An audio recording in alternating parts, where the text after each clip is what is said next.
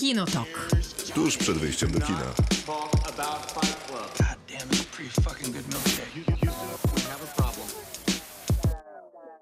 Krzysztof Majewski. Maciej Stasierski. Dzień dobry, to jest y, w zasadzie dobry wieczór. Y, Kinotok, czyli program, który przez dwie godziny opowiada o filmach i serialach, tych, które aktualne i na bieżąco w kinach, na przykład, które otwarto w zeszłym tygodniu. O tym- Jej. Jej, byłeś już w kinie? Nie. A ja byłem. Jak to nie byłeś? A nie, przepraszam, byłem już. A, Dobrze. No, no i pomyłka. widzisz? No jednak, ja też byłem. Jej, już, już sam zapomniałem, że byłem. I Jest to dosyć ekscytujące doświadczenie, nie dla Macieja, Prawda? bo on, on jest w stanie o tym y, zapomnieć. Hmm? Nie no, naprawdę, fajnie jest wrócić do kina. No miałem dzisiaj nawet drugi raz iść, ale niestety nie dotarłem, więc będziesz sam recenzował jeden film. Tak, o tych filmach, które będziemy recenzować, to zaraz powiem. Przypomnę tylko, że ten program, audycja radiowa jest też podcastem. Ten podcast publikowany jest wszędzie tam, gdzie słuchać się da podcastów. No, Między innymi na najpopularniejszym w tym momencie Spotify'u, gdzie zapraszamy do odsłuchów wcześniejszych odcinków. Tam dużo ciekawych gości i recenzji. A przy okazji, jakbyście zostawili subskrypcję, to byłoby bardzo miło. Dziś... Będziemy dzisiaj puszczać muzykę z, z Eurowizji? A dlaczego mielibyśmy? No bo była w sobotę. Znaczy, no była No, Eurowizja. W, gdzieś tam. Znaczy nie, no ja rozumiem, no była... Nie wiem, Nie, no ale, nie może, ale możemy puścić Jaja Ding Dong. O, doskonale, bo właśnie te, wokół tego też był chyba jeden z najcie, najlepszych żartów. mm, Islandczyków. Tak, dokładnie. No dobra, to Jaja Ding Dong sobie puścimy. To Dla tych, którzy nie wspaniale. wiedzą, to film z Willem Farrellem, z, który nazywa się Eurovision Song Contest. Tak. Fire Saga Story, czy coś takiego. Długi tytuł. Dzisiaj zaczynamy od W robocie. W robocie to cyklicznie pojawiający się na naszych mediach społecznościowych cykl. Piątek się pojawia, pytamy o coś związanego z filmami i serialami. Dzisiaj, a w zasadzie w piątek pytaliśmy o wasze ulubione postaci ojca lub znienawidzone, w ogóle o postaci ojca w filmach i serialach. Propozycje jak zawsze się pojawiły od was. Bardzo dziękujemy. Będziemy dokładać swoje, a następnie zrecenzujemy film, który nas tchnął do tego, żeby takie pytanie zadać, czyli Film się Ojciec. nazywa Ojciec. Tak. Nomen omen. Nomen omen. Tak, Ta, jest takie mamy świetne skojarzenia, Dokładnie, dalekie. takie proste dosyć. Rzeczywiście, film Ojciec Floriana Zellera, film z nagrodzony dwoma Oscarami w tym roku. Antony Hopkins za najlepszą pierwszoplanową rolę męską. I, I najlepszy scenariusz adaptowany. A następnie będziemy recenzować nieoczekiwany przez nikogo film Army of the Dead Zaka Snydera. No bo tak, najpierw... y, A nie fani... Są na pewno fani znaka Snydera jacyś. Nie, no jest, Na cały, pewno jest cała są. armia fanów Zaka Snydera. Na pewno tak. I nie znam ich, Ja, niestety. też, ja być może na szczęście, bo Zack Snyder ma ze sobą jakiś problem w ostatnich y, paru filmach i Justice League Zacka Snydera, nie Josha Widona, który całkiem niedawno otwierał się na HBO Go e, w Polsce. W 37 tysiącach wersji kolorowych, czarno-białych, Tak, z dubbingiem, bez dubbingu. tak, Animowana wersja. Tak, tak i wszystkie były nieudane. jest. No, Teraz dokłada kolejny film, więc dokłada kolejny film, który, który... potencjalnie może też być nieudany. Tak, jest na Netflixie, nazywa się Armia Umarłych, będziemy dzisiaj o nim też rozmawiać, a na koniec, jako że dzisiaj Miłki z nami nie ma, a Maciej nie zobaczył, to ja wam opowiem o świat, który nadejdzie z Vanessą Kirby i Katrin Waterstone. Brawo. Kinotok. Film. To przyszedł czas na w robocie. Dzisiaj nie przeciągamy, nie przedłużamy i zaczynamy od Kamila, który odpowiadał, że najlepszą postacią ojca, a w zasadzie tą wręcz przeciwnie, nie- najgorszą postacią ojca mm, był De Niro w chłopięcym świecie. Okrutny typ, dopisuje Kamil. No nie był miły. No nie, to tak jakby, no nie, nie był ani trochę. Nie, nie. Czekaj, bo teraz będzie, To jest ta scena taka z tą musztardą, co on rozsmarowuje na twarzy Leonardo DiCaprio. jest taka scena, Mhm. więc nie można być dobrym ojcem, jak się takie rzeczy z musztardą robi. Nie, nawet Le- i Leonardo DiCaprio też. Nie można mu robić takich rzeczy. Można go niedźwiedziem szczuć, ale zostawcie Dokładnie, ale musztardę. to w CGI, więc No, to się nie liczy. Piotr pisze tak. Najgorsi ojcowie występują, to jest w ogóle bardzo ładne. Najgorsi ojcowie występują chyba wśród Brytoli. Widzę, nic doustnie Oldmana, The Warn Zone Roffa i Pająk Cronenberga. Najlepsi zamieszkują Półwysep Apieniński. Życie jest piękne Belliniego, złodzieje rowerów De Siki, a najdziwniejszych można znaleźć w Helladzie. Kieł Lantimosa to Grecja dla tych, co Mm, Brawo. mieli. A wzorcowy model jest dosłownie, dosłownie książkowy i wywodzi się ze Stanów Zjednoczonych, to zabić Drozda, czyli Maligan według Lee. Wiadomo. Ładne, co?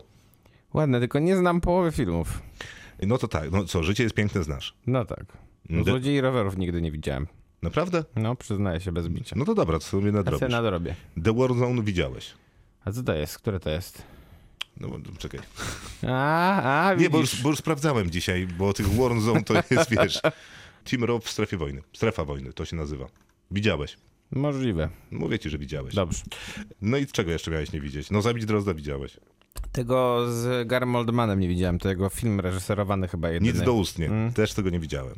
No to nie widziałeś jednego? No to jednego, dobrze, zostańmy przy tym. Nie Ale ta hel, Hellada jest mocna jednak. Lada też mi się podoba. Mhm. Monika, Sean Connery w Indiana Jones Ostatnia Krucjata. No wiadomo, że tak. Hej Junior. No i co dalej? George Clooney w Spadkobiercach. Eee, Jaki tam ojciec, też mi się tam. ja nie lubię tego filmu. Ja lubię ten film, ale nie wiem, czy on jest taki ojcowski tam. No niezbyt. On właśnie raczej dba o siebie głównie. No nie no, ale to może być przykład złego ojca. A, no chyba, że tak. Ale to Y- tak trzeba było wyjaśnić wtedy, bo to obok... Bo jednak e, Henry Jones senior jest e, raczej dobrym niż złym ojcem. No, prawda. Amar C. Jutro będziemy szczęśliwi.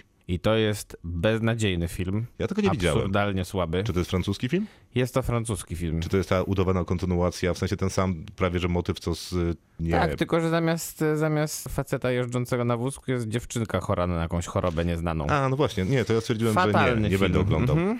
Mhm. No to trudno, ale jest dobrą postacią ojca? Dobro, no Marcy jest dosyć szczery z twarzy samej, więc to wystarcza mu chyba do kreowania postaci. Mufasa z Króla Lwa. No wiadomo, No no, to są mocne to argumenty. są takie argumenty już rzeczywiście niepodważalne. Nie ma, nie ma co zbierać. No nie ma, no to tyle w ramach komentarza. To masz na, patrz na to. Tryton z Małej Syrenki. To jest tyle Mhm. samo ode mnie i Sułtan z Alladyna. No ale to jest dobry, to jest żaden ojciec w sumie. Nie no, ale on tam rzuca nie takie robi frazesy. za bardzo, ale Mówi tam, wierz w siebie. no to nie jest najważniejsza postać w Alladynie. Powiedziałbym, że No, ale nie- najmniej ważna. No ale nikt nie prosił o ważne postaci, tylko przykłady dobra, aha, no ojcowskich postaci w No filmach. to jest to przykład ojcowskiej postaci bez znaczenia. No ale na tronie i jest takim mądrym ojcem z tronu. Stworzy trochę dystans w rodzinie, bo on na tronie, a oni nie, no ale no co zrobić? trudno, no ale potem jednak e, następuje ten feministyczny wydźwięk końcówki filmu. Darek, szczególnie filmu już aktorskiego. W sensie Darek, adwokat diabła. Tam jest naprawdę zły tato. To, to, to jest dopiero przykład. Tak, tak, to jest bardzo dobre. Y, Lubisz adwokata diabła? Nie, nie znoszę. Ja też nie lubię tego filmu, a mam wrażenie, że on ma jakąś taką... Jest to film, który jest bardzo popularny wśród młodych ludzi, szczególnie którzy chyba oglądali tylko jeden film z Alem patrz, Piotr Bartyś. Piotrze Bartysiu, lubisz adwokata diabła? Tam są bardzo piękne dziewczyny. No masz i... Nie by... Podoba mi się wasze milczenie i śmiech jako argument. No właśnie tak dyskutujemy. Dziękujemy, tu, Piotrze. Co poniedziałek, dwie godziny dyskusji na tym poziomie. Będziemy kontynuować. Rafał, y, zapewne jedynym z najgorszych ojców historii kina jest Daniel Plainview, czyli wybitna rola Daniela Day-Lewisa w Aż poleje się krew. Jest to najgorszy ojciec świata, który nie wie, jak jego syn się nazywa, bo we wszystkich scenach, w których e, przedstawia swojego syna granego przez... Nie, to nie gra go Poldano. Poldano to gra jakiegoś takiego kaznodzieja. A ten jego syn, Zresztą niepokojącego. który- Jak to Paul Dano? który zresztą chyba nie dożył końca filmu, z tego co pamiętam, ten jego syn. I on się nazywa HW, czy coś takiego. W każdym razie nie ma pełnego imienia, nigdy nie jest podane w trakcie filmu pełne imię tego syna.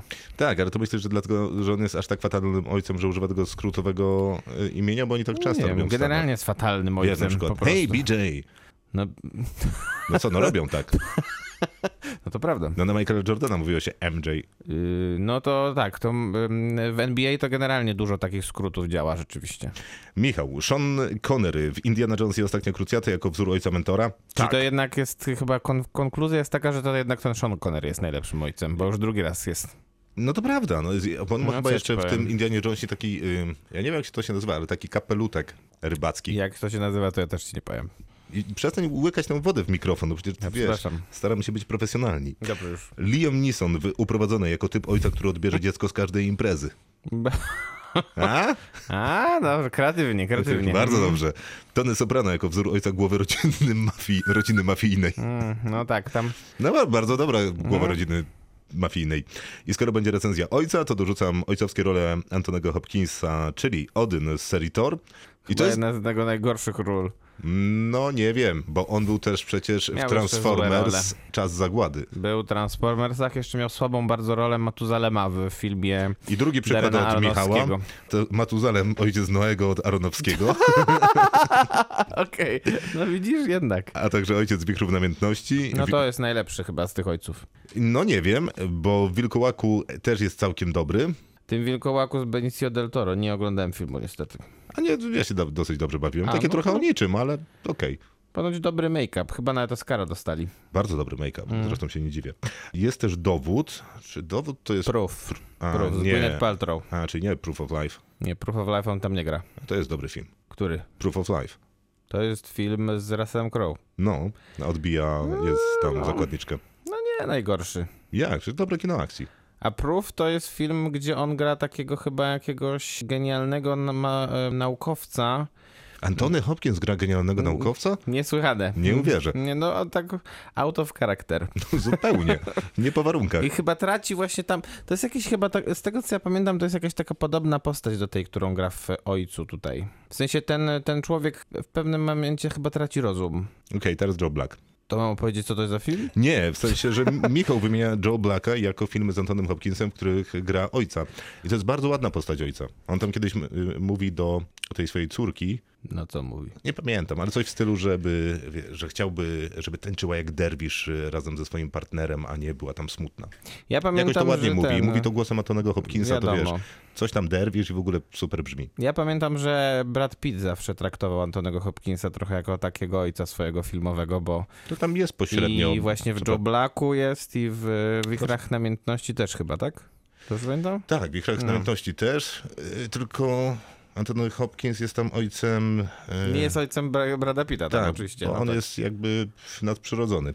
I jeszcze Maska z Zorro. Jakby. A na koniec Michał dokłada ojca Mateusza. Widziałeś Be- kiedyś? bez Bo ty, komentarza. ty widziałeś te polskie Ja seriale. widziałem, tak, parę I czy, czy to jest dobre? Bo to jest, ten, bo to jest ojciec Mateusz, to jest ksiądz, który jeździ na, motel, na rowerze w jakiejś małej miejscowości, tak? W Sandomierzu i rozkra- roz, rozwiązuje zagadki kryminalne, pomagając No, policjantom. no, no, no to tyle wiem z memów. No nie jest to dobre. To tyle. Chociaż dosyć kreatywny pomysł, muszę powiedzieć. Niezbyt właśnie, bo to na licencji. Nie, no naprawdę? No, tam jest jakiś To było- włoski, jest jakiś Don Mateo chyba. Mm? Tak, tak, więc nie, nie, to mało kreatywne akurat. Ale czy ktoś ojca Mateusza chociaż raz w tym serialu nazywa o, Don Mateo przyjechał na rowerze? Nie wiem, mógłby, mogłaby Kinga Price, która gra jego, jego gosposie. No nie mów, że gra tam Kinga Price i jeszcze go To całe, wszystkie sezony. Nie, no dobra, no na czymś trzeba zarabiać. No tak, prawda? Marcin, ojciec w filmie Billy Elliot, który przechodzi przemianę obserwując taniec syna. No tak, ja się zgadzam. To widziałem, że się zgadzasz. Mówisz, Ja lubię ten film przecież jest, bardzo. Gdzie jest ten nasz Facebook? Przecież tam dziękowałeś na kolanach komu- komuś, A, kto to prawda, napisał. rzeczywiście, robiłem to. Mhm. Marek, życie jest piękne, wszyscy jesteśmy Chrystusami Konrad. Jak tatuś zrobi dziubek. Ale to nie wiem, wydaje mi się, że Adaś Miałczyński jest problematycznym ojcem. No, no jest. Takim bardzo, bardzo ostrym. Nie, no dobrze, no ale wiesz, no mieliśmy wskazać ojców, No pos- tak, tak, postać jest, ojca. jest ojciec. No i oczywiście Marlon Brando, co prawda tylko chrzestny, ale jednak ojciec. A on jest tam ojcem generalnie wszystkich. Bo poza tym ma te swoje dzieci przecież, no. Nie, no ma, ma. Ale no i ma też tę, te pośrednie dzieci. No ale głównie te swoje dzieci są ważne jednak. Tak, to prawda. E, a są przecież nimi Al Pacino i James Caan głównie. Więc też nie najgorsze dzieci. Też nie najgorsze zupełnie. No dobrze, to tak jak było obiecane,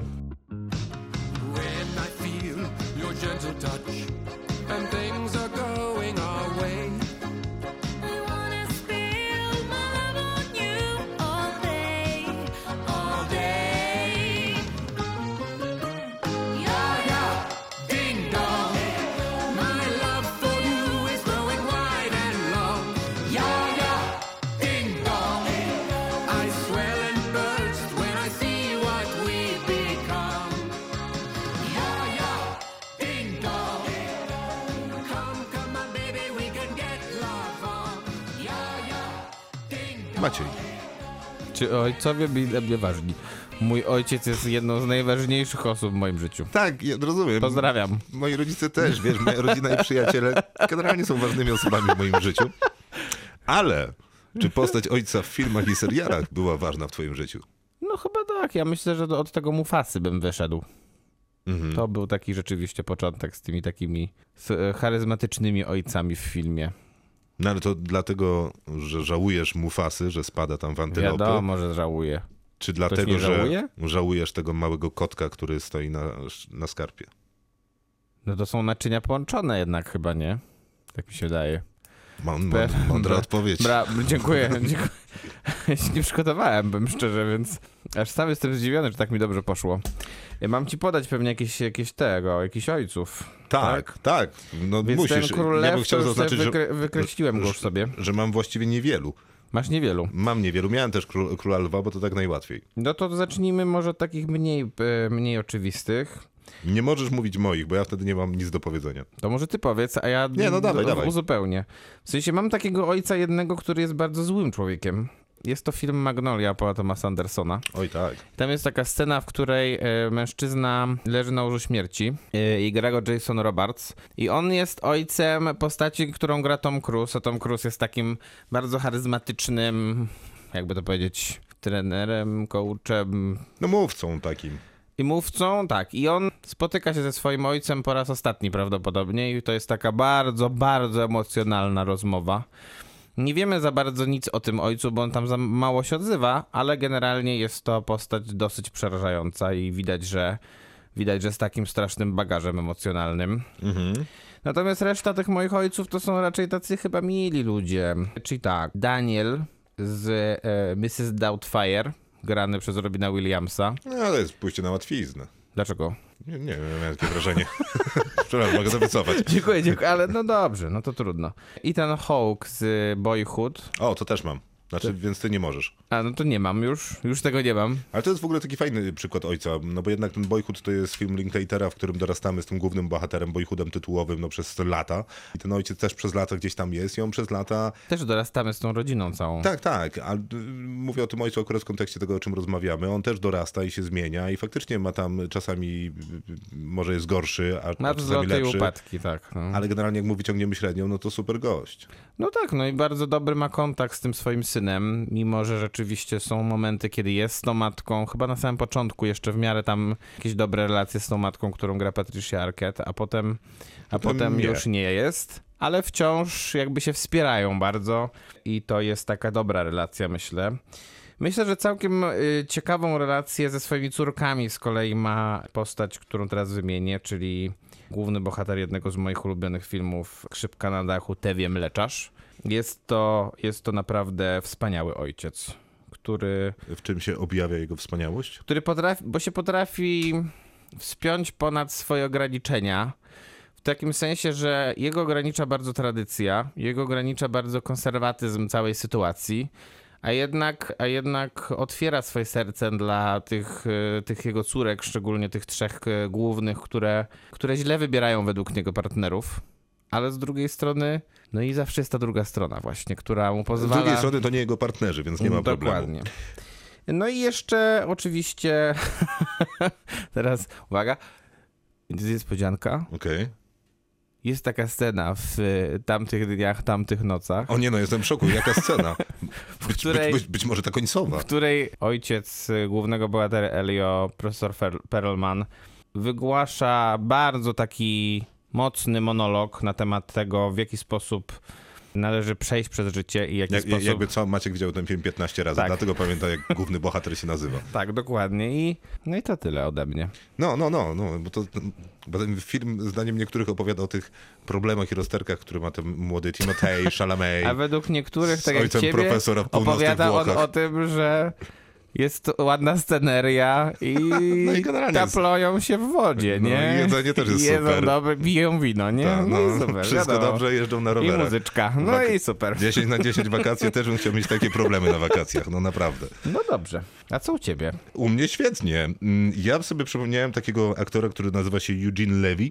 No, Znasz przecież. znam. To jest ojciec z American Pie. To jest ojciec Jima z American Pie. Mhm. To jest świetna postać, y, zawsze zakłopotana y, czymkolwiek y, chłopaki będą robić, bo to głównie chłopaki, Y, ale zawsze tak dosyć wyrozumiały i mówi, że no dobrze, no nic się poważnego nie stało i zmierzajmy we właściwym kierunku. I był zawsze taką sympatyczną ojcowską y, postacią też takim dodatkowo innego rodzaju comic reliefem w American Pie.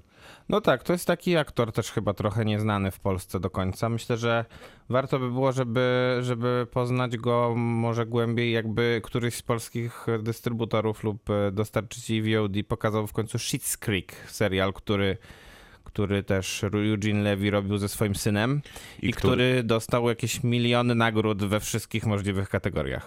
Ja nie wiem o co chodzi z, z tym serialem, w sensie to jest dosyć dziwne, bo jakby cały świat o nim mówi, a Tak. nie da się go, Nie da się no, go nie obejrzeć, da się go obejrzeć. nie da się go obejrzeć w Polsce. Przypomniałem sobie Logana, czyli Hugh Jackmana w filmie Logan. Brawo. Dziękuję. Albo jak to po, w polsku było Logan Wolverine. Tak, Logan Wolverine. Żeby wszyscy wiedzieli, o którego Logana chodzi, czyli o jednego z X-Menów. To jest taka bardzo ładna w ogóle historia o tym, że on się zestarzał, inni też się zestarzeli, no i jakby już siły... Wielki profesor Xavier też. Między innymi. No już siły nie te i w ogóle jest dosyć ciężko. Hugh Jackman na starość odkrywa, że jednak najprawdopodobniej ma córkę. I tą córką będzie się zajmował, no i tam dochodzi do pięciu przemian y, po drodze z nim. Jest to rewelacyjny film. Tak, tak, bardzo dobra rzecz, Mhm. to prawda. Też bardzo lubię. Jeden w ogóle z moich chyba ulubionych superbohaterskich filmów, no bo ciekawie, ciekawie do nich podchodzi po prostu. Przypomniał mi się Juno, bo tam gra, bo to jest film, którego bardzo nie lubię. Ja też. Naprawdę nie cierpię. A wychowywałem się w jakimś takim otoczeniu, gdzie wszyscy mówią, o Boże, Juno. O, Nie, strasznie manieryczny film dla mnie. To potwornie w ogóle, ach. E, Ale jest tam J.K. Simmons. Jest, ojcem wspaniałym. That's my tempo. Jest. Jak ktoś widział Whiplasha, to that's my tempo. A tam jego żoną, gra, jego żonę gra Jennifer Garner? Czy ona gra tam, ona tam kogoś też gra chyba w Juno. Mm, Wiesz co, nie pamiętam. No nie lubię tego filmu też, więc nie przypominałem sobie go nigdy po tym, jak go raz mi się udało w życiu obejrzeć. No właśnie. I e, mam jeszcze jednego Hugh Jackmana. Z kolei przypomniał mi się film Labirynt Denisa Villeneuve'a. To jest e, film Mhm. o porwanych córkach, między innymi Hugh Jackmana, który decyduje się wziąć sprawiedliwość we własne ręce, między innymi, innymi w taki po- sposób, że gotuje bardzo dużo wody e, i wlewa ją w pewne miejsca w postaci pary. Jest, Tak, jest to scena dosyć dramatyczna. Szalenie mocny film, świetny thriller. Tak, no i Denis Villeneuve udowadniał już wtedy, że będzie świetnym reżyserem. Jeszcze przypomniała mi się Incepcja, bo tam jest przecież cała ta Incepcja tytułowa zbudowana na takim wątku, że Rodzinny. rodzinnym, że właśnie skonfliktujemy, dodatkowo skonfliktujemy ojca z synem. Tego syna gra e, Cillian Murphy e, bodajże? Tak, się nazywa? tak Cillian Murphy. E, Późniejszy przecież e, Scarecrow z... Wcześniejszy. wcześniejszy Scarecrow z Batmana, a jak wiemy Nolan lubi swoich aktorów, Tak. więc ich nie porzuca gdzieś po drodze. Ojca nie pamiętam kto gra, ale on ma tam może pół minuty sceny, bardziej y, obserwujemy tę przemianę właśnie w Cillianie Murphym i stosunku do jego ojca. Ten ojciec jest taką postacią trochę poza kadrem, ale zdecydowanie mroczną, nieprzyjemną, taką, która nie chce mm, jakby przekazać tej, tej swojej fortuny synowi, wiecznie go unieważnia i, i, i Kurczę, mi się to skojarzy, że jakiś taki też znany aktor w sumie go gra. Chyba w tej incepcji. Możliwe, że to jest znany aktor. Ja wątpię, żeby Christopher Nolan nie wziął znanego aktora, wiesz, do leżenia na łożu śmierci i boleści. No a propos Christophera Nolana, to z kolei myślę, że jednak ojcem takim wzorcowym jest ten, którego gra Matthew McConaughey z kolei w... Natomiast no, Anne Hathaway, Ma- Matthew McConaughey jest ojcem i Jessica Chastain i potem Casey Afflecka też. No i scena, w której on jakby ogląda ogląda tę, to nagranie, które Jessica Chastain mu wysłała w kosmos, Mocno jest, jest. bardzo mocna, rzeczywiście. I jest to scena, która akurat emocjonalnie się udała. A, niewie, a dużo scen w Interstellar, znakomitym filmie, tak emocjonalnie dobrze nie zostało wygranych, szczególnie w te, w których Anne Hathaway mówi o miłości. Tak, kiedy decydujemy, na którą planetę lecimy, żeby uratować ludzkość. Tak to faktycznie nie działa. Ale ten ojciec jest bardzo dobry. Tak. Tak. Mam takie wrażenie, że przegapiamy jakieś całe mnóstwo ojców. Na pewno. I myślę, że jest też dużo takich ciekawych postaci Przecież ojcowskich. jeszcze jest Darth Vader. No, to wrzuciłem na zdjęcie ilustrujące nasz No, post. ale to, już jest, ale to jest łatwe. ciekawa postać też. Jest. No ale tych ojców jest sporo też w animacjach. Ja też sobie na przykład wypisałem, ale tutaj już nie wspominałem o panu i nie ma mocnym. To jest na przykład bardzo ciekawie ojciec stworzony, szczególnie w pierwszej części filmu, bo druga już jest słabsza po prostu. Ja nie lubię też pierwszej. A nie lubisz The Incredibles? Nie. Y, No ale Disney chyba raczej miał tych ojców takich sprawniejszych niż to nie. jest Disney, oni przecież Ale wszystkie oni relacje są, rodzinne wiadomo. budują dobrze. No to, coś w tym jest, no, to prawda. Kinotok. Film. Skoro o ojcach porozmawiamy, to teraz porozmawiamy o filmie Ojciec, m, który trafił do kin w ostatni piątek. Nareszcie. Długo na to czekaliśmy. Florian Zeller reżyseruje, występuje Anthony Hopkins, Olivia Colman, Imogen Poots, Rufus Sewell, bo to też chyba znany aktor z chociażby czego? Sherlocka? Tak, i Olivia Williams też nie, nie, nie, nie jakaś taka zupełnie Anonimowa. anonimowa postać. No i ważne sprawy. Dwa Oscary na, dla Antonego Hopkinsa, który akurat spał, kiedy go do, otrzymywał za najlepszą rolę męską, pierwszoplanową. Ale potem sobie nagrał filmik z takim, z taką pięknym, pięknym, e, piękną polem za sobą i, I- dziękował Chadwickowi Bosemanowi też. Tak. I uprzejmie polecamy zajrzeć na Instagrama Antonego Hopkinsa, bo już tego nie robi. To prawda. ale robi inne rzeczy. Kiedyś, kiedy o Oscarach się mówi, oj, czy może Antony Hopkins dostanie, to Antony Hopkins miał to w nosie, ale akurat będąc na jakiejś miłej, ciepłej wyspie, ciesząc się, że no już może być na tej ciepłej wyspie, bo trochę pandemiczne obostrzenia zostały zniesione i tam w hawajskiej koszuli dobrze się bawił. Ale teraz wrócił już do Walii i ostatnio był też znakomity filmik, jak tańczą z Salmą Hayek O, przegapiłem. razem. Naprawdę wspaniale. No, więc tak się, tak żyje Antony Tak, Hopkins. tak, tak się żyje, jak się jest Antonem Hopkinsem 83 lata na karku. Ojciec to opowieść o ojcu, którego właśnie Antony Hopkins gra, który choru, choruje na Alzheimera. Poznajemy go w jego mieszkaniu i w zasadzie Prawdopodobnie. właśnie. I cała reszta w tym filmie też jest prawdopodobnie. To prawda, bo rzeczywiście ten film jest oparty na kilku rzeczach. Myślę, że z jednej strony tym, jak budowana jest relacja pomiędzy nim a jego córką, którą gra Olivia Colman, w niektórych scenach też, na scenografii, która się zmienia dosyć regularnie i która się zmienia w trakcie montażu, który też jest bardzo ważny. I w ogóle różnie bywa. Tak, dokładnie. I tak trochę jest z tym filmem. Ja byłem w dosyć dużym szoku. Do kina wszedłem pół minuty po rozpoczęciu seansu. O filmie wiedziałem tyle, że jest o Alzheimerze i że dostał dwa Oscary i że gra tam Anthony Hopkins i Olivia Colman. Nie wiedziałem absolutnie nic. Aha, i wiedziałem, kto jest reżyserem. I nic więcej nie wiedziałem. Ale nie wiesz, kto to jest, co to jest za człowiek, ten reżyser, więc niewiele ci to dało to nazwisko chyba. Tak, dokładnie. No bo to w zasadzie co to jest? Jego drugi film? Nie pierwszy? Nie, to tylko był, pierwszym był jakiś krótki metraż, który, A, okej. który robił wcześniej. Bo Florian Zeller generalnie nie jest reżyserem filmowym, tylko jest raczej reżyserem teatralnym, dramaturgiem, bo ojciec jest oparty też na jego własnej sztuce teatralnej, która zresztą i teraz pewnie po- poprawił, poprawiłby mnie mój przyjaciel z bloga Michał Hernes. W i by mi 2015 powiedział, roku że- była już ekranizowana, czytałem to od, na wallu twojego kolegi z bloga. I że ta, ta sztuka ma jeszcze dwie dodatkowe części. Jedna się nazywa Syn i już też wiadomo, że będzie ekranizowana przez Zellera.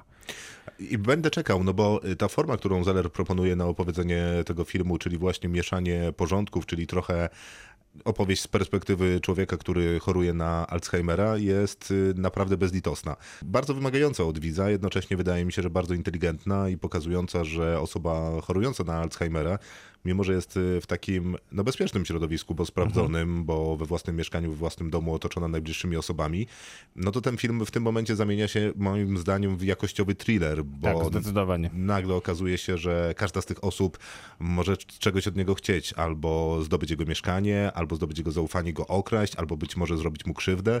Jest y, w zasadzie na samym początku tego filmu taka scena, w której Anthony Hopkins radośnie podśpiewuje, mm, czy tam podgwizduje, rozpakowując zakupy i nagle słyszy jakiś dźwięk z innej części mieszkania. Warto powiedzieć, że to mieszkanie jest przepiękne i bardzo duże, co zresztą sam Anthony Hopkins w tym filmie przyznaje. No i idzie zaniepokojony, wyciągając gdzieś widelec z szuflady, wywołując córkę, bo to może ona. Okazuje się, że siedzi w pokoju obok osoba, obca dla niego, ale deklarująca, że nie jest obca, bo od 10 lat Bo jest... znają. Tak, Bo, tak. bo jest to mąż, czy tam Tak, mąż córki od 10 lat. partner, czy ktoś, dokładnie. No i cały film jest tak e, zbudowany. W zasadzie postaci, które się pojawiają i my decydujemy już, żeby je nazwać, że to jest ojciec, to jest e, tam, nie wiem, matka, to jest córka, to jest siostra, tamten to mąż, tamten to ktoś tam, a, budujemy sobie tę rzeczywistość tych piątków, które reżyser na planszy filmowej rozstawia. To nie trwa długo, bo Bo może potem wszystko jest złamane znowu. tak, a później jeszcze raz złamane i wracamy do wcześniejszej wersji. No i w pewnym momencie zaczyna się rozumieć, że jakby reżyser pokazuje nam różne urywki rzeczywistości. Jego świadomości. Tak, jego świadomości. No i raz wygląda tak, a raz siak. I czasami osoba z tą twarzą w zasadzie nie jest tą osobą, tylko gra zupełnie inną w jego wyobrażeniu. No więc I czasami on lepiej pamięta, czasami nic nie pamięta i myśli na przykład, że jest w zupełnie innym momencie swojego życia, że nie wiem, jego rodzice żyją. Są też takie sceny, w których on, tak, tak. które on oczekuje niemalże spotkania ze swoimi rodzicami, czy tam ze swoją matką konkretnie, ale no jest to stary człowiek, który po prostu traci świadomość i umiera na naszych oczach de facto. Wydawałoby się, że mógłby to być film, który jest y, takim jednym po, porządnym szantażem emocjonalnym. W ogóle nie jest. Bo ta, ja myślę, że e, ja myślę, że takim by pewnie był, gdyby nie to, że jest tutaj bardzo dużo takiej europejskiej wrażliwości na ekranie. Gdyby to jednak robił amerykański reżyser, to pewnie nie byłoby tej zabawy montażem do końca tak dużo. Być może ten właśnie do, ten, to mieszkanie nie byłoby takim istotnym bohaterem tego, tego filmu, bo byłaby to pewnie inna propozycja. To byłby pewnie bardziej linearny film, jeśli chodzi o fabułę Nie, no i jest- prostszy i właśnie bardzo dużą ilością muzyki, która by podawała nam informację, co mamy czuć, a, tu, a czego mamy nie czuć. A tutaj takich rzeczy nie ma. Ale jest muzyka. Bardzo- Ale nie taka. Ale bardzo dobra muzyka. Mhm. I ta europejska wrażliwość to być może jest y, dosyć prawdziwe. Mi się y, kiedyś podobało, jak ktoś ze znajomych y, mówił, że podobają mu się francuskie filmy, bo jak we Francji pokazuje się taki moment, że ludzie siedzą w kawiarni, czekając na kogoś, to czytają książkę, a jak ktoś przychodzi, to zaczynają rozmawiać o filmach, a później idą do teatru razem. No, jest to bańka pewnego rodzaju, jest ale... to bańka, no ale jakby ciekawe y, spojrzenie na sprawę, no bo w Stanach Zjednoczonych jak ktoś czeka na kogoś w kawiarni, to pije kawę i podrywa kelnerkę. Jak ktoś przychodzi, to zamawia frytki, a jak wychodzą, to idą kogoś zabić. Y, No tak, a tutaj w tym filmie, ten, ten film to jest ciekawy też przykład, on pokazuje trochę jak wyglądał ten rok filmowy też, bo mamy tutaj z punktu widzenia nawet Oscarów patrząc, które, w które, podczas których ten film rzeczywiście dość mocno triumfował, można było powiedzieć, że tak naprawdę zabrakło tylko, tylko żeby, żeby wygrał nagrodę za najlepszy film roku, to jest to kolejna z adaptacji sztuki teatralnej i chyba zdecydowanie jakby wybijająca się ponad te, które oglądaliśmy w tym roku. Czyli chociażby Maryjnie Bottom. Matka Bluesa, czy mm, e, pewnego razu w Ma- pewnej nocy w Miami. To były raczej propozycje bardziej prostsze, a tutaj mamy. No tutaj jest próba jakby stworzenia rzeczywiście innej jakości. Nie jest to odtworzona sztuka teatralna, tylko to jest jednak film. Tak, to prawda. I nie czuć tej teatralności tak bardzo, natomiast jakby trudno się jej wyzbyć. Ona tutaj jest. W pewnym momencie, w którym ten dom przebiera się dla nas po raz czwarty, czy piąty, czy dwunasty, bo można się dosyć łatwo pogubić, no, zaczęły mi się pojawiać takie skojarzenia z tym, że to są po prostu kolejna kurtyna w dół, kurtyna w górę. Y, I zwłaszcza w takich w tych drugich momentach filmu, w sensie nie jak już się tylko poznajemy z Antonym Hopkinsem, tylko chwilę dłużej, e, kiedy on ma takie dłuższe monologowane sceny, na przykład kiedy pojawia się w filmie Imogen Poots e, i on z nią rozmawia, no to tam ociera się o teatralność, o takie wygłaszanie monologu do widowni. Nikt w normalnym życiu tak nie rozmawia, bo ktoś by się już wtrącił dwa razy. Tak, tak. E, albo coś by się tam wydarzyło w normalnym życiu, w takim filmowej rzeczywistości. I wydaje mi się, że w taką trochę teatralną manierę zdarza się Hopkinsowi tam parę razy wpaść. To mnie trochę wybija z rytmu tego filmu, która zresztą często się zmienia, no bo ten montaż jest bardzo ciekawie zrobiony. Chociaż też y, miałem z nim problem do pewnego momentu, bo dopóki nie byłem przekonany, po co to się dzieje, to wydawało mi się to dosyć irytujące, no bo zupełnie nie rozumiałem filmu, wiesz, szukałem jakiegoś schematu, że aha, czyli okej, to się zmieniło, na to się zmieniło, czyli ona tak naprawdę jest tamtą osobą, więc całkiem ciekawy film taki, film Labirynt, żeby to się sobie go- rozwiązać. Trzeba, trzeba się bardzo skupić rzeczywiście, żeby się nie pogubić w tym, że tutaj mamy na przykład trzy, trzy czy cztery kobiece postaci. No i można byłoby się zastanawiać, czy przypadkiem nie mamy do czynienia tak naprawdę z jedną postacią, albo z maksymalnie dwiema postaciami, mimo że Mimo, że na ekranie widzimy trzy czy cztery aktorki dwóch czy trzech aktorów. Dokładnie. Tam jest też taka świetna scena kolacji, która oglądamy najpierw koniec tej kolacji, a Później, później dopiero początek, a, A jeszcze gdzieś w międzyczasie wcześniej, środek. Tak, dokładnie. To jest fantastycznie napisane. Mhm. No naprawdę, co to jest za scenariusz? Nie wiem, jak to ktoś wymyślił, jakby literalnie. Nie wiem, jak zaplanować taki tekst. Ale to jest bardzo dużo właśnie zasługa Zellera, który też wziął sobie dobrego faceta do, do napisania tego scenariusza, bo Christopher Hampton, który jest jakby, który jest współscenarzystą tego filmu, to jest też postać, która wydaje mi się bardzo istotna, bo to jest człowiek, który e, zaadaptował na, e, na potrzeby filmu książkę, której się według mnie nie dało zaadaptować na potrzeby filmu, mianowicie Niebezpieczne Związki Choderlos de la Clos. Książka napisana poprzez listy, czyli tak zwana powieść epistolarna.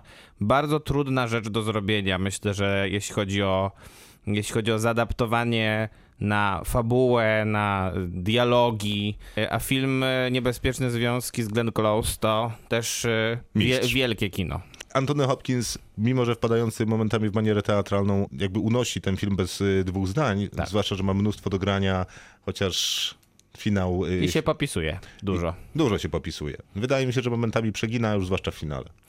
No ja się z tym nie zgodzę pewnie, natomiast, bo myślę, że myślę, że ta scena finałowa, o której mówisz, jest y, takim dodatkowym przybiciem jeszcze rzeczywiście tej jakości tej roli i takim, dla mnie była dosyć wstrząsająca jednak.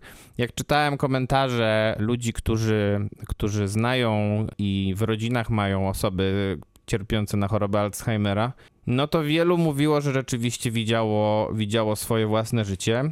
I to myślę, że jest dodatkowy taki testament tej roli. Wiesz co? y, Ja myślę, bo ona emocjonalnie jest mocna ta scena. Tak. Ja trochę nie wierzę Hopkinsowi wtedy, bo mam takie wrażenie, że jakby widzę taką kamerę, że on po prostu mówi za moment reżyserowi, że teraz, chwilę wcześniej mówi reżyserowi, teraz ci pokażę, jak się robi kino. Ale emocjonalnie film o Alzheimerze był kiedyś taki, który nazywał się bodajże Nie zapomnij mnie, czy Nigdy cię nie zapomnę. I to był film, w którym syn nagrywał swoją matkę, która chorowała na Alzheimera, która powoli zapominała pewne rzeczy, a w finale, e, w czasie rozmowy tam przy obiedzie, ona pyta, kim jesteś, dlaczego mnie kręcisz? To była jakaś absolutnie emocjonalna dewastacja, jeżeli chodzi o Alzheimera i jakby zrozumienie tej choroby i jakby podejście do niej, bo to jest absolutnie okropna e, choroba, więc wydaje mi się, że ten dokument jakby dosyć jasno odpowiada o Alzheimerze, no ale dobitnie. Natomiast y, cała ta zabawa formalna, którą y, proponuje ojciec, no szapoba, duża rzecz i y, warto chyba wspomnieć jeszcze o tej Oliwii Colman, która naprawdę robi tutaj świetną tak. robotę.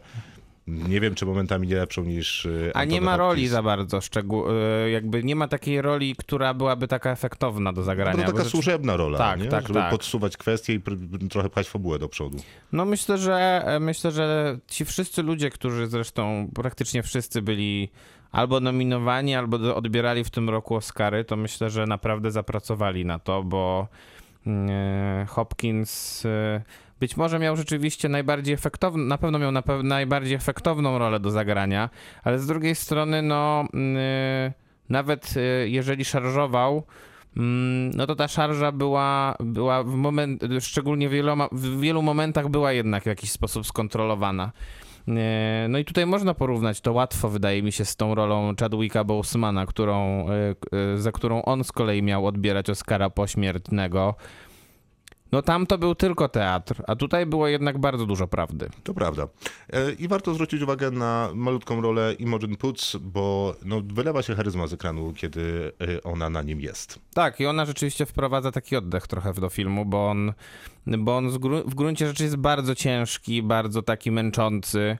No bo tak jak powiedziałeś, on jest też na granicy thrillera. Niektórzy nawet mówili, że, że przypomina trochę taki horror ten film, bo, bo trochę rzeczywiście tak jest, że mm, e, te postaci po prostu ze sobą walczą na ekranie. Tak, łatwo było w ogóle zrobić z tego filmu y, horror, y, horror o Alzheimerze, gdyby przedstawić ten, ten świat trochę bardziej, bardziej mroczny, Tak. bardziej paranoidalny w zupełnie uprawniony sposób, skoro nie rozpoznajesz osób, które nagle pojawiają się w twoim domu, momentami czasami do niego teleportują. No ale może z drugiej strony lepiej było go, lepiej było dać ten oddech chociażby Nie, nie, właśnie no, jest- tymi, to jest znacznie lepszy wybór. Tak, Y, tak, tak. Ale mówię o, o tym, że to dosyć łatwe do zrobienia i wyobrażenia sobie. Będziemy oceniać. Tak, ja wystawiam 10. Ja wystawiam 9. Kinotok. Film. Armia umarłych! Zack Snyder powrócił. Woohoo! Woohoo! Zack Snyder! Na Netflixie Armia umarłych, 2,5 godziny o zombie. Yeah! Woohoo! No tak. Nie? Jednak nie? Nie, nie, nie. mm. No więc jest nie taki ja, film. ja powiem szczerze, ja myślę, że Zack Snyder nie powinien już kręcić filmów. Dzisiaj przeczytałem przed przyjściem tutaj, że Zack Snyder teraz planuje nakręcić religijny film porno i myślę, że Nie, to czytam- też nie jest dobry pomysł. Nie, czytam, że Zack Snyder mówi, że Ameryka nie jest gotowa na ten film. Który? No, ten, porno? Tak. A, no to pewnie tak jest. I on na pewno zrobi taki odważny film i obsadzi jakiś ten, obsadzi w filmie porno Ważnych ludzi. jakiś, nie wiem, Judy Dench i, i Michaela Caina. Będzie super. I to będzie film porno i będą się modlić w trakcie seksu. No i tak to będzie wyglądało. To będzie właśnie ten film, to będzie to opus magnum yy, Zaka Snydera. No chyba, że Armia Umarłych to jest opus jego magnum. No to wtedy też nie najlepiej. No może być nie najlepiej. Y, Dobra, posz... Ale recenzje nie są wcale takie złe. Na szczęście po obejrzeniu filmu nie czułem, że potrzebuję przeczytać recenzję, która mi, wiesz, poszerzy kontekst. Wytłumaczy wytłumaczy to, czego nie rozumiem. Rozumiem. No właśnie, ja też zrozumiałem i jakby wystarczyło mi. Świt żywych trupów z 2004 roku to, właśnie debiut. debiut Zaka Snydera, czyli jego remake Romero z chyba lat 70., znaczy na pewno z lat 70. Albo nawet jeszcze dawniej, 60. Mi się wydaje, że to jest 70. No stary film w każdym razie. I Romero, te, tamten film był dobry. ta, który? Romero? Tak. Y, Był. To był taki pomysł na opowiedzenie, co prawda, historii o zombie, no ale tam oczywiście, jak opowiadamy o zombie, no to opowiadamy tak naprawdę o tych ludzkich przymiotach i to często tych najniższych, no bo tam uratuje siebie czy kogo innego. No i to był y, fajny pomysł i jeszcze jakąś tam trochę takiej społecznej opowieści można było w to wepchnąć. I Świat żywych trupów w 2004 roku to też jest dobry film. Tak. To zresztą jest chyba pierwszy film, który proponuje zombie, które biega. I w kinie o zombie to jest y, duża rewolucja, no bo to zmienia jakby całą narrację, no bo z reguły to one sobie tam wolno chodzą, my uciekamy, strzelamy im w głowę i w ogóle jest wszystko super. Później się pojawiły jakieś takie filmy stylu World War Z, już te zombie robiły wszystko i w ogóle były dosyć inteligentne. I dużo ich było wtedy. Tak, i się komunikowały ze sobą. wtedy. No i to było tak, wariacja na temat takiego filmu epidemiologicznego, bo Brad Pitt tam przecież jedzie szukać pacjenta zero, między innymi do Izraela, co mnie strasznie bawiło, kiedy sobie o tym przypominałem, no bo teraz Izrael jako pierwszy taki super wyszczepiony, pomijając te kwestie, które dzieją się tam teraz, y, Pomijmy. które być może przypominają to, co też dzieje się w World War Z, bo tam... Tam jest z kolei też ten mur taki. tak, Mhm. tak, wybudowany z karabinami i latającymi śmigłowcami nad nimi, więc Tutaj zresztą też jest mur. no więc wyjątkowo profetyczny film. Tu też jest mur, ale zrobiony z, z kontenerów morskich, więc Tak. taki trochę na chybcika. Jesteśmy w Los Angeles, Nie, jesteśmy w Las Vegas. jesteśmy w Las Vegas, ogra, e, ogrodzonym e, tym właśnie kontenerowym murem, no bo pojawiła się plaga zombie. Znaczy pojawił się jakiś, pojawił, tutaj mamy rzeczywiście pacjenta zero, który Pro, ma, ma, projekt Zero. pro, ma być przewieziony jakimś takim em, kontenerem przez wojsko gdzieś, nie wiadomo gdzie i dochodzi do wypadku i ten, ten, ten, pad- ten projekt zero, czy ten punkt pierwszy u, ucieka. Żebyśmy I powiedzieli... akurat trafia do Las Vegas. Tak, no to jest gdzieś koło Las Vegas. Żebyśmy powiedzieli, jak wygląda ten konwój wojskowy, który reżyseruje Zack Snyder. Bo to, bo to jest Snyder's w wersji 1000. I to, to jest Snyder's, który ja lubię. Jedzie konwój wojs- wojskowy, są te dwa Humvee z przodu, jakiś wóz opancerzony, dwa Humvee z tyłu, wszystko jest dobrze. I taka klatka duża. I taka klatka duża. Z naprzeciwka jedzie y, Just Married, ludzie, którzy mm, ożenili wyszli za siebie w Las Vegas, zrobili to w 3 minuty za 100 dolarów, jadą samochodem, w samochodzie jest miło, więc kierowca traci koncentrację, zjeżdża na drugi pas. Wojskowi oczywiście nie wiedzą tego, że coś tam jedzie. W ogóle. Nie wiem, gdzie się Bo podziewa. rozmawiają wtedy bardzo poważne, prowadzą poważną rozmowę, co jest w tej klatce. Czy jest to Arka Przymierza, czy jest to Bzdury jakieś tam. y, deklaracja niepodległości. Więc ten wielki wojskowy wojskowy, opancerzony samochód, którego wcześniej z przodu broniły dwa Humvee, ale w tym momencie akurat nie, nie wiadomo dlaczego, wjeżdża z ten samochód osobowy z tymi dwoma, dwójką ludzi. I nie dzieje się to, że ten samochód osobowy się odbija gdzieś na pobocze, Nie, kolumna jedzie dalej. wybucha. Nie, eksploduje, tak jakby był cysterną z paliwem. Wybucha na cały ekran. Przez Dokładnie. dwie minuty nic nie widzę, a później wychodzi zombie. Tak. I to jest Zack Snyder, który jakby utrzymał ten film w tym tonie i zwłaszcza, że chwilę później zaczyna grać jakaś taka radosna muzyka, to wszystko byłoby dobrze. No tak, bo potem jest ten rzeczywiście taki pięciominutowy montaż, w którym zombie atakują, nie wiem, ludzi grających w kasynie. No i się dowiadujemy na koniec tego montażu, że e, Las Vegas to jest jedyne miejsce, w którym te zombie teraz są.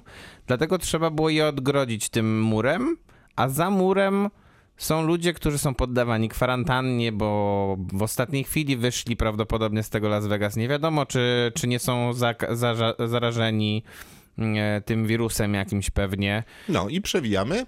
I teraz z kolei Las Vegas jest y, tym miejscem, które jest ograniczone mu, o- ogrodzone murem. Gdzieś tam y, jest ta horda zombie na zewnątrz. No i prezydent Stanów Zjednoczonych stwierdza, że rzucimy atomówkę na Las Vegas, żeby Tak. pozbyć się tej ostatniej hordy nieumarłych. Wyśmienity Więc, pomysł. więc do Dave'a Batisty, który w tym montażu pięciominutowym zdążył się zasłużyć jako bohater narodowy, bo bodajże sekretarza obrony y, uratował. e, Tak, i dostał e, tam jakiś Medal, of wolności. Honor. No A, właśnie, tak. Honoru. E, No i przychodzi do niego ma mafijny lord i mówi mu, słuchaj, w Las Vegas zaraz będzie bomba za tam dwie doby czy trzy. Mr. Tanaka. Tak, Mr. Tanaka. Więc Mr. Tanaka mówi, że zaraz Las Vegas zostanie wysadzone w powietrze, więc pójdziesz do kasyna, w kasynie jest safe. I tam jest 200 milionów dolarów. No i weźmiesz. I one są już, ubezpieczyciel mi oddał, więc ty bierzesz kogo chcesz, tylko musisz przejść przez te zombie, kasa twoja. Dostajesz tam, dostaniesz z tego tam jedną czwartą czy połowę i masz się podzielić i masz się podzielić z tymi ludźmi, którzy, którzy ci pomogą i się dzielisz z nimi jak ci się podoba. I ja tego już nie rozumiem, szczerze, bo ten Mr. Tanaka mówi mu, że może się z nimi podzielić jak chce, więc ten sobie ustala w głowie, że weźmie 15 milionów z tych 50 czy 100, a innym proponuje tutaj 2, tutaj 500 tysięcy, tutaj 200 tysięcy, a jak oni wszyscy zobaczyli, co byłoby w tym sejfie, to nie chcieliby się podzielić porówno? To są uczciwi przestępcy. A, przepraszam. W świecie opanowanym przez zombie uczciwość jest najważniejsza. to prawda. Mm, Zombie, brawo. zombie, zombie. Mhm. Jak mówi popularne przysłowie. Więc on tutaj robi tak zwane, kompletuje ekipę, czyli jakby to powiedział e, Steve Rogers, Avengers Assembled. Tak, więc się zasemblowali. Tam w międzyczasie dowiadujemy się, że jego córka jest wolontariuszką, która ewakuuje to e, Las Vegas, żeby można było zrzucić atomówkę. Oczywiście córka go nienawidzi, bo to jest też ważne, Nie, bo no córka go nienawidzi, bo, Bo za, tak. zabił matkę, czyli swoją żonę, która się zamieniała w zombie. Idą do tego kasyna. Tak. I to jest tak zwany heist movie, czyli film o napadzie na bank dużą ekipą. Tak, tak. No Ocean's Eleven wersji Więc zombie. do tego momentu mija godzina filmu. Mhm. Strasznie dużo. I tam naprawdę się nic nie dzieje. Oni tylko łażą i gadają. A najlepsze jest to, że w trakcie tej godziny powinniśmy e, mieć tak zwaną ekspozycję, teoretycznie, która miałaby się, miałaby też e, zawierać przedstawienie postaci. I, no i te postaci są przedstawiane w takich 45-sekundowych mniej więcej segmentach, polegających na tym, że oni przychodzą do kogoś, rozmawiają, ten mu mówi, że on nie ma co robić, więc generalnie chętnie, chętnie przytuli 500 tysięcy. I tam jest chyba z 12 tych osób. Ja naprawdę mi się ich nie chciało liczyć, ale jest ich z 12. I, I to przedstawienie tych postaci wygląda trochę tak, że, że ktoś na przykład stoi za płotem i mówi: O, to jest tam, nie wiem, Tracy. A Tracy jest wariatką, tak? A kim jeszcze? I obok niej stoją cztery helikoptery. Więc o dziwo Pilotem lata. helikoptera. Mm, Tak, dokładnie. Jest oczywiście, żeby, żeby było dobrze, to musi być jeszcze pan, który, który oparł e, popularność swojego kanału na YouTubie na tym, że właśnie strzela do zombie live. To było akurat fajnym pomysłem. Y, tak, tylko Bo że nie wykorzystanym zupełnie. To jest w ogóle ciekawy film. On ma sporo fajnych pomysłów. No dobrze, to wskaż No, je. no, pan, strze- no pan, który robi karierę y, taką wiralową y, na YouTubie, zabijając zombie, jest fajny. Tak, zombie, które usychają pod murami Las Vegas, ale kiedy pada deszcz, to zaczynają ożywać, jest fajny. Pomysł na y, tygrysicę O, zombie to jest bardzo dobre. jest fajny. Natomiast zombie z peleryną jeżdżące, po, jeżdżące na koniu, no to not so much. Nie, nie jest fajny. To, Nie, nie, nie, nie. nie, to nie. No więc ja wymieniłem w zasadzie rzeczy, które mi się podobają w tym filmie. No to i, fajnie. i właściwie... To nie było ich za dużo jak na 2 godziny 40 minut. Nie, nie, nie ma ich za dużo. No, podoba mi się jeszcze taka jedna sekwencja, która pojawia się walki koło windy. Kto widział film albo Tak, zobaczy, tak. to zrozumie. Bardzo ładna. Ta w kasynie też była ładna. Generalnie całe dochodzenie i strzelanie headshotów zombiaką to mi się dosyć podoba. To jest gore, to jest niezły gore. To rozwalanie im głowy najróżniejszymi rzeczami jest też spoko. Tam jest taka scena jeszcze przechodzenia przez e, takich zombie, którzy są w hibernacji. Tak. Tam jest nawet odrobina napięcia. Tam jest i tam dużo też strzelają i to też nie jest źle. To jest nieźle zmontowane też. Tak, jest. Natomiast są takie skandaliczne problemy z tym filmem. Na przykład nie rozumiem o co chodzi, ale to jest, to jest problem Zacka Snydera. Nie rozumiem dlaczego jak gra u niego piosenka, która jest, no, która jest durna, w sensie nie durna, ale jest taka najprostszą, oczywistą piosenką do, zilustrowania konkretnej sceny, sceny. Mhm.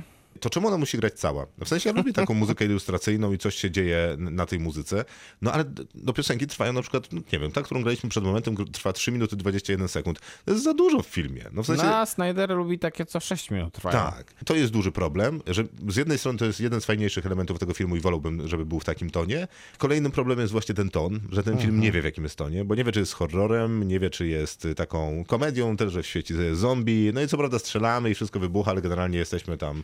No komedią to Śmieszkami. chyba na pewno nie jest, bo nie jest śmieszny. No Mi- nie jest. Mnie nie bawił przynajmniej w ogóle. Bo ja liczyłem na takie, wiesz, Ocean's Eleven, tylko że No to zombie. było jednak na luzie zrobione, nie? To powinien być bardziej taki film chyba jednak w klimacie tego zombie, które prezentował Simon Peck i, i ta ekipa.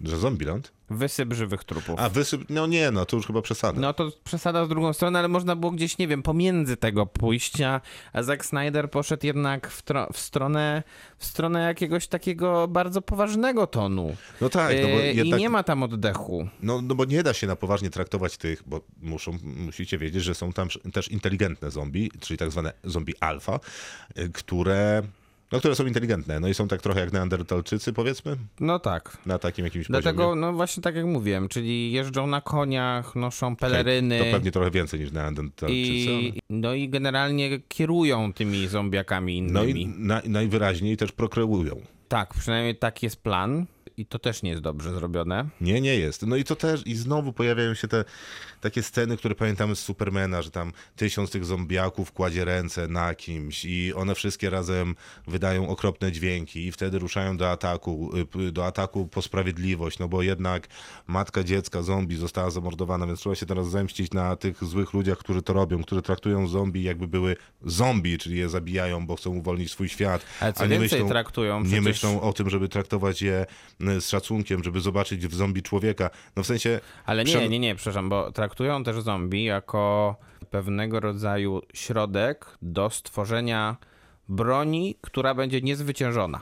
To jest też element tego filmu. Tak, dodatkowy wątek, który, który jest za mało, więc musimy go dorzucić. Już nie wspomnę o tej politycznej łop, łopacie, którą sprzedaje Snyder, zwłaszcza na początku, ale też w środku i gdzieś pomiędzy scenami, e, czyli oto ja, Zack Snyder, reżyser, który stoi za tym filmem, teraz opowiem wam, co myślę o współczesnym świecie, nie mam o Tak, nim dobrego dokładnie. zdania. Nie mam. Mhm. E, Co w sumie jest okej, no w takich filmach można przemycać swoją myśl, Ale nie ale- trzeba na przykład. ale Można też nie robić trzeba tego. przybijać manifest, nie? Nie trzeba tego robić, szczególnie jak się nie ma talentu. A już zwłaszcza nie trzeba robić wszystkiego i wydłużać filmu do prawie 3 godzin, Mhm. bo gdyby go skrócić o sz- 70 minut, to dalej można by było zrobić z tego fajny film. No bo tak, ten, ten, ten setting, ten świat, który on tam sprzedaje, tego zamkniętego Las Vegas, o, Jest o, spoko. Jest spoko. Ta ekipa Fabuła jest kretyńska. jest idiotyczna.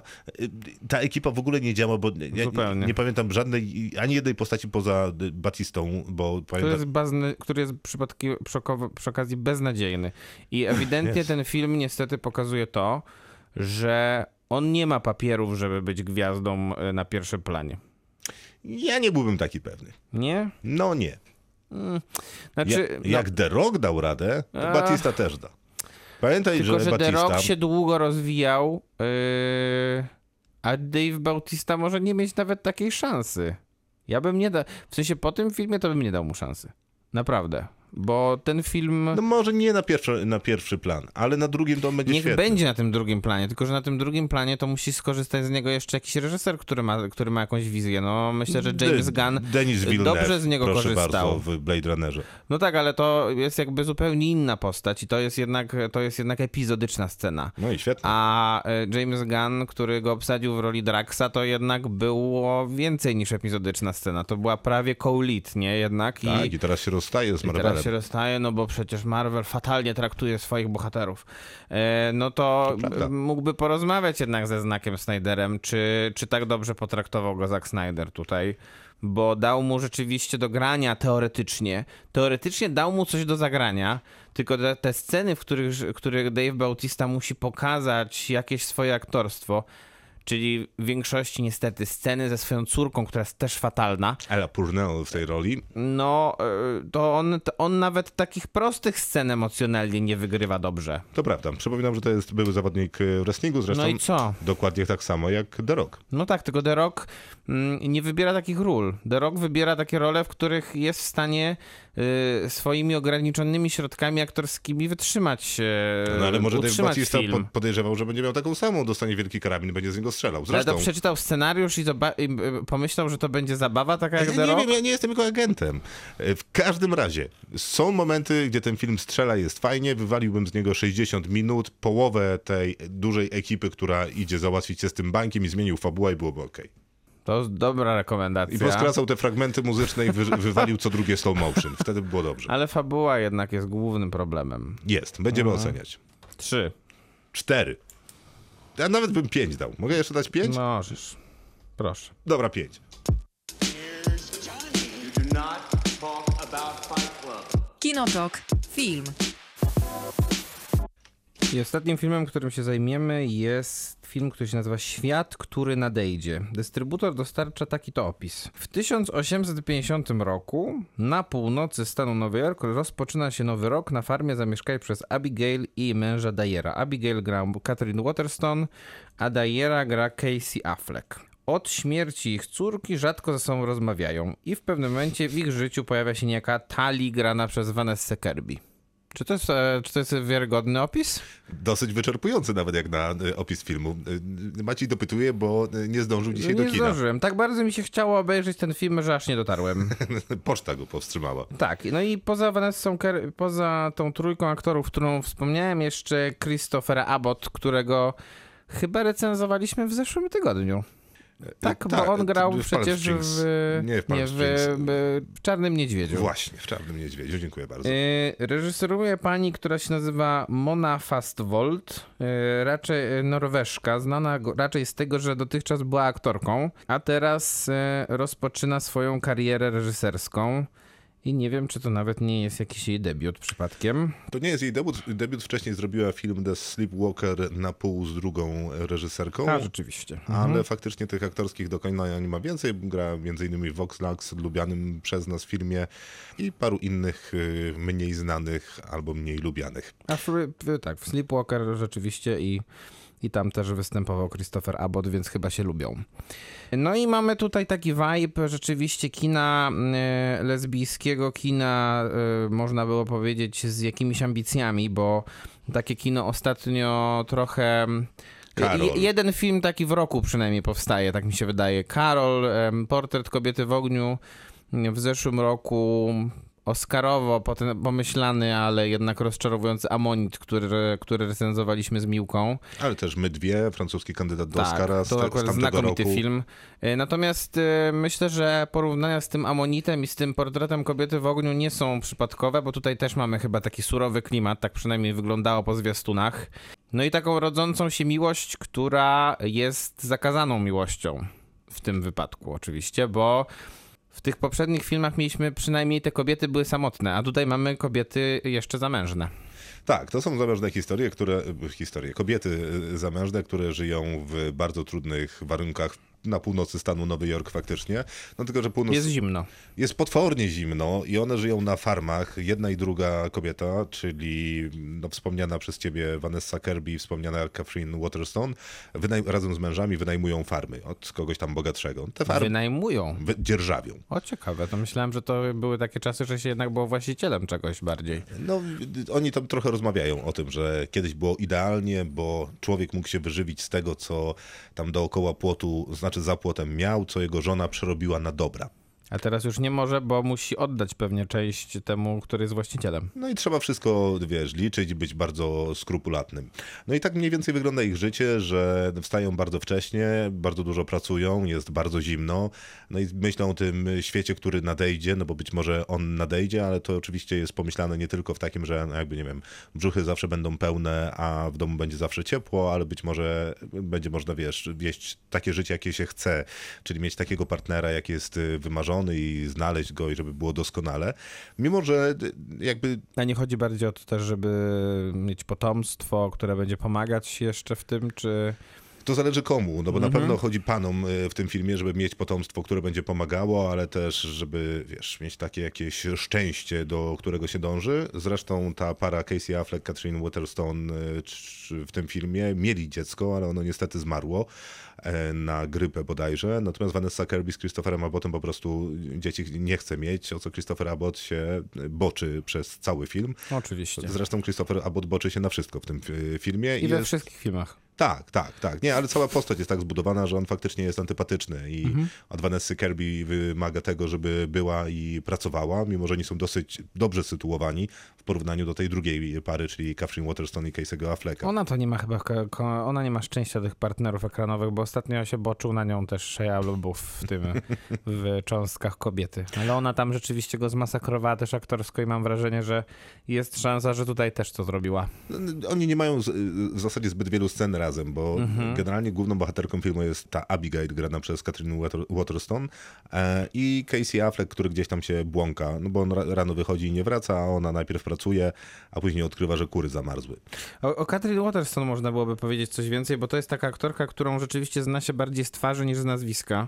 Ona jedną z pierwszych swoich ról zagrała w filmie, który nie miał dystrybucji w Polsce pełnej, czyli Wadzie Ukrytej Paula Thomasa Andersona, ale od niej przeszła do I będziemy takich... to powtarzać do końca świata, bo Tak. nigdy nie, nie wybaczymy tego, że Wada Ukryta nie miała polskiej dystrybucji. Oczywiście, ale potem przeszła już do takich franczyzowych rzeczy, bo jest jedną z głównych postaci tego sequelowej serii e, Harry'ego Pottera, czyli Fantastycznych Zwierząt. No i grała też między innymi w Obcym, e, tym najnowszym Obcym Covenant, który miał być też początkiem nowej serii, Ale był ale, tak fatalny, ale że był nie tak był. fatalny, że Ridley Scott chyba zrezygnował na Tak, szczęście. ale Catherine Waterston w Fantastycznych Zwierzętach moim zdaniem robi bardzo dobrą robotę, zwłaszcza u boku Ediego Redmayna, bo oni są tacy charakterologicznie nieoczywiści. No tak, ale myślę, że ona jest też aktorką, której, która jeszcze nie, nie dostała tej, tej swojej roli, takiej, którą będzie kojarzona na lata. I pytanie, czy dostanie w ogóle, no bo nie wiem, czy ten film jest taką rolą, pewnie według ciebie nie. No według mnie nie, ale, ale być może w ogólnym rozrachunku tak. Ja mam z tym filmem same problemy, nie podoba mi się w zasadzie nic, mimo że no on ma bardzo konkretny pomysł na siebie. No bo nawet operatorsko to jest, wiesz, kręcone w naturalnym świetle, ten, ta północ Nowego Jorku, czy gdziekolwiek to kręcili, generalnie jest nieprzyjemna, zimna. Tam się pojawiają takie komentarze na temat tego, jaki jest śnieg, że jest tak sypki, że nie da się go zeskrobać z ganku. I to są problemy tych ludzi, którzy są zamknięci w tym bardzo nieprzyjemnym, nieprzyjaznym świecie. Nieprzyjaznym też dla tych dwóch bohaterek, ponieważ y, no, ci mężowie na różne sposoby je ograniczają. Ta Catherine Waterstone y, marzy o atlasie, którego mąż jej nie chce dać, mimo że ona odłożyła 90 centów na ten atlas, ale on uważa, że zamiast kupować zbędny atlas, to powinna kupić prezent mężowi. Natomiast on nie jest jakimś takim despotą y, domowym. Wydaje mi się, że no, jakby po części on się stara się mierzyć z tym światem, który ich zastał, czyli fatalnie trudnym. On też coś poświęca, o tym mówi zresztą ta Abigail, że on marzyłby o maszynach. To jest parę takich scen, że na przykład obiera jabłko takim dziwnym jakimś mechanizmem pseudoautomatycznym i że gdyby świat był inaczej skonstruowany, to byłby inżynierem, no a pojawiła się szansa na farmę i jakikolwiek zarobek, więc jest tutaj. On jest taki bardzo skrupulatny w rozliczeniach, wiesz, każdego tam jabłka, który które kupią y, i które zjedzą, żeby widzieć, wie- wiesz, prowadzić taką księgę wydatków, nie? Dlatego on jest być może taki bardzo odtąd dotąd i nie za bardzo pozwala rozwinąć się tej To swojej jak żonie. idealna rola dla Casey Afflecka. To prawda, bo to jest idealna rola dla niego i on się naprawdę dobrze w niej odnajduje. Zwłaszcza, że jest go mało na ekranie, co też jest Mm. w sensie ułatwieniem, nie? To, że jakby nie ma za wiele miejsca do popełnienia błędu. No ale ciasno jest y, w tym świecie. Abigail no, jest jeszcze w tym dramacie po stracie córki, którego jakby nie może odpokutować. Oni nie uprawiają seksu, chociażby właśnie z tego powodu ona mówi, że za wcześnie i to jest w całości zrozumiałe. No, Dopóki i co, no, i gdzie się, no i gdzie się mieści ta Vanessa Kirby, bo... przychodzi, to jest sąsiadka. I co, i nagle tak e, po stryknięciu palców e, tworzy się to, to, to mm, uczucie? Nie. Uczucie rodzi, nie. się, uczucie rodzi się w spojrzeniu. Stopniowo. Nie.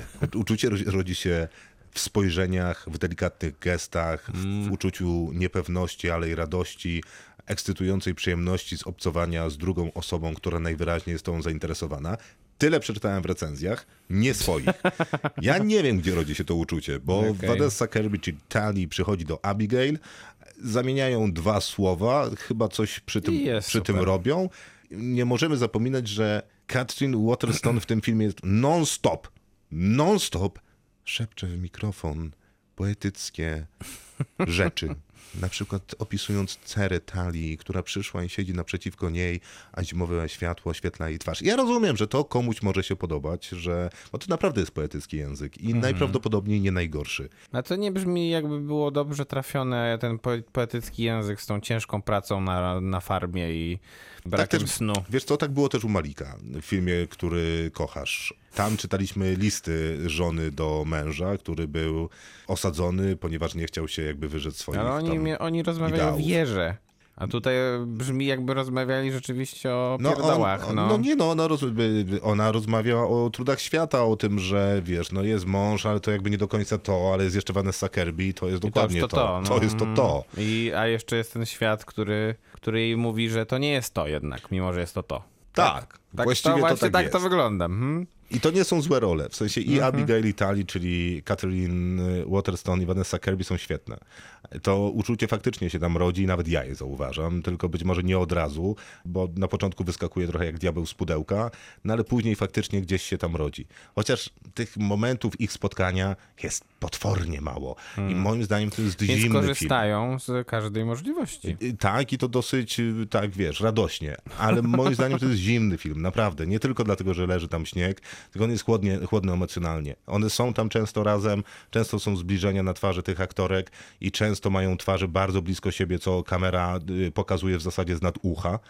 E, I naprawdę Christopher Abbott, ja już Naprawdę dziękuję pani reżyser. Ja już doskonale rozumiem, że on jest draniem i już nie potrzebuję dziewiątej sceny, żeby mi to udowodnić, bo naprawdę po co? Trochę ciekawszy jest ten Casey Affleck, bo on jest zniuansowany i można się zastanawiać, czy no, takie są czasy, no więc on jest na, na takie warunki, jakie mają finansowo, czy generalnie też jest nie, nie, nie, nie najlepszym gościem. No to znaczy podejrzewam, że jest nie najlepszym gościem, ale nie jest tragiczny. No i tyle. No i jest zimno i naprawdę. No i, i ona idzie, wyciąga jajka. Później on idzie i zamyka kury. Nie, to akurat owce zamykał. Później wraca po te kury. No, kuma, kura zamarzła. No i pojawia się ten off Waterstone, która tam szepcze poetycko, że kur, było tak zimno, że kury zamarzły. Zamknęłam je im dzióbki dłonią, starając się je ogrzać, licząc, że powrócą do tego zimnego, złego świata. No i, i, i idziesz dalej. No i co tam się dzieje? Aha, Abigail, nie, Telly przyjechała do Abigail w odwiedziny na koniu, no ale wieje wiatr, no więc wraca na koniu. Kogo spotyka? Złych mężczyzn, którzy tam nastają na jej cześć. No to ucieka na tym koniu. No ta scena trwa 17 sekund. Proszę sobie nie wyobrazić, że tam jest jakakolwiek akcja. Tam nie ma czegoś takiego. No dla mnie to jest taki Sienkiewicz w stanie czystym, czy Żeromski nawet, wiesz, że nieważne... Sienkiewicz to nie, bo to byłaby akcja jednak. Tak, bo tam byłaby jeszcze akcja, więc raczej Żeromski. Więc nie, że tam coś dla czegoś, tylko wszystko dla opisu, dla sytuacji, dlatego, że tam na trzecim, na trzecim planie to są, wiesz co to jest? To są kwiatki. Nie widzisz ich, ale one tam są i to zmienia w ogóle wydźwięk tej sceny. Super poetyckie, super męczące, super powolne, super zimne emocjonalnie i to nie tylko tam, gdzie zimne emocjonalnie powinno być, bo ten romans naprawdę jest letni. Nie podobało mi się w ogóle, przykro mi. No Vanessa dobrze. Kirby jest świetna. To jaka ocena? Cztery. No to mocno. Dobra, pięć, bo technicznie to jest naprawdę porządnie zrobione. W sensie te zdjęcia są dobrze zrobione, ci aktorzy są ustawiani, tam jest jak, jakiś, no nie wiem, to okej, jest No nie czujesz emocji, no to jest to- bardzo, do, bardzo duży problem w takich filmach. rzemieślniczo to jest zrobione w porządku. Jak to jest romans, gdzie nie ma A, emocji, romans, to no. Ro... Na czym ten romans polega? No one się spotykają na samym początku i rozmawiają o herbacie, później masuje jej stopy, później jest już znacznie przyspieszona akcja, a, a później się jedna obraża na drugą. Tak Oczywiście też- przez męża. Ale tak trochę tak tro, trochę podobnie wyglądał ten Amonit z Kate Winslet i Saoirse Ronan. Tam też rzeczywiście tego romansu było za mało i tam też było zimno i to literalnie też zimno, bo one z kolei były nad brytyjskim morzem, gdzie szukały kamieni. Więc to jakby wydaje mi się, że tutaj jakieś paralele są i tamten film też był nieudany. Więc jakby ktoś robi następny film o lesbijkach, to może nie gdzieś, gdzie będzie ciepło. No, może to pomoże. No, Dokładnie. nie, nie jestem fanem. Kinotok. Film. To wszystko, co przygotowaliśmy na dzisiaj w Kinotoku. Bardzo serdecznie dziękujemy za uwagę. Wszystkie ojcowskie filmy, które polecaliście, to dziękujemy i dorzucamy swoje. Będą jutro w podcaście, który dostępny wszędzie, gdzie słuchacie podcastów i na Spotify'u. Zachęcamy do subskrypcji, bo lubimy obserwować, jak ten wskaźnik subskrypcji rośnie. wejdę w rolę Miłki, powiem, że e, zaproście rodzinę, znajomych. A, zróbcie to pewnie. A w przyszłym tygodniu znowu pójdziemy do kina Mhm. Pójdziemy potem- na Mortal Kombat. i potem będziemy recenzować. Będziemy też Mers Easttown recenzować serial, o którym wszyscy mówią i wszyscy lubią, więc zacznijcie oglądać, Tak jak jeszcze tego nie Będziemy. zrobiliście. Ja nie zacząłem jeszcze. Ja zacząłem. Ja już kończę. I tobie się podoba. Mnie podoba się bardzo, Mhm. a i tak nie potrzebuję tam wątka kryminalnego. Rozumiem. A tak, mówiłeś o tym mi ostatnio. No rzeczywiście. No ja, ja już się nie mogę doczekać, aż zacznę jutro pewnie nadrabiać. Na co- Chociaż powinienem tak naprawdę po swojemu po prostu poczekać do niedzieli i, zrobić obejrzeć wszystkie. mieć na, żeby mieć na świeżo. Tylko, że nie wiem, bo może będzie na przykład, może, może jakimś cudem będzie dobra pogoda w Nie, weekend. nie I- będzie. Nie będzie. To może poczekam do niedzieli. Krzysztof Majewski. Maciej Stasierski, dobranoc. Kinotok. Tuż przed wyjściem do kina. About Fight Club. damn, it's pretty fucking good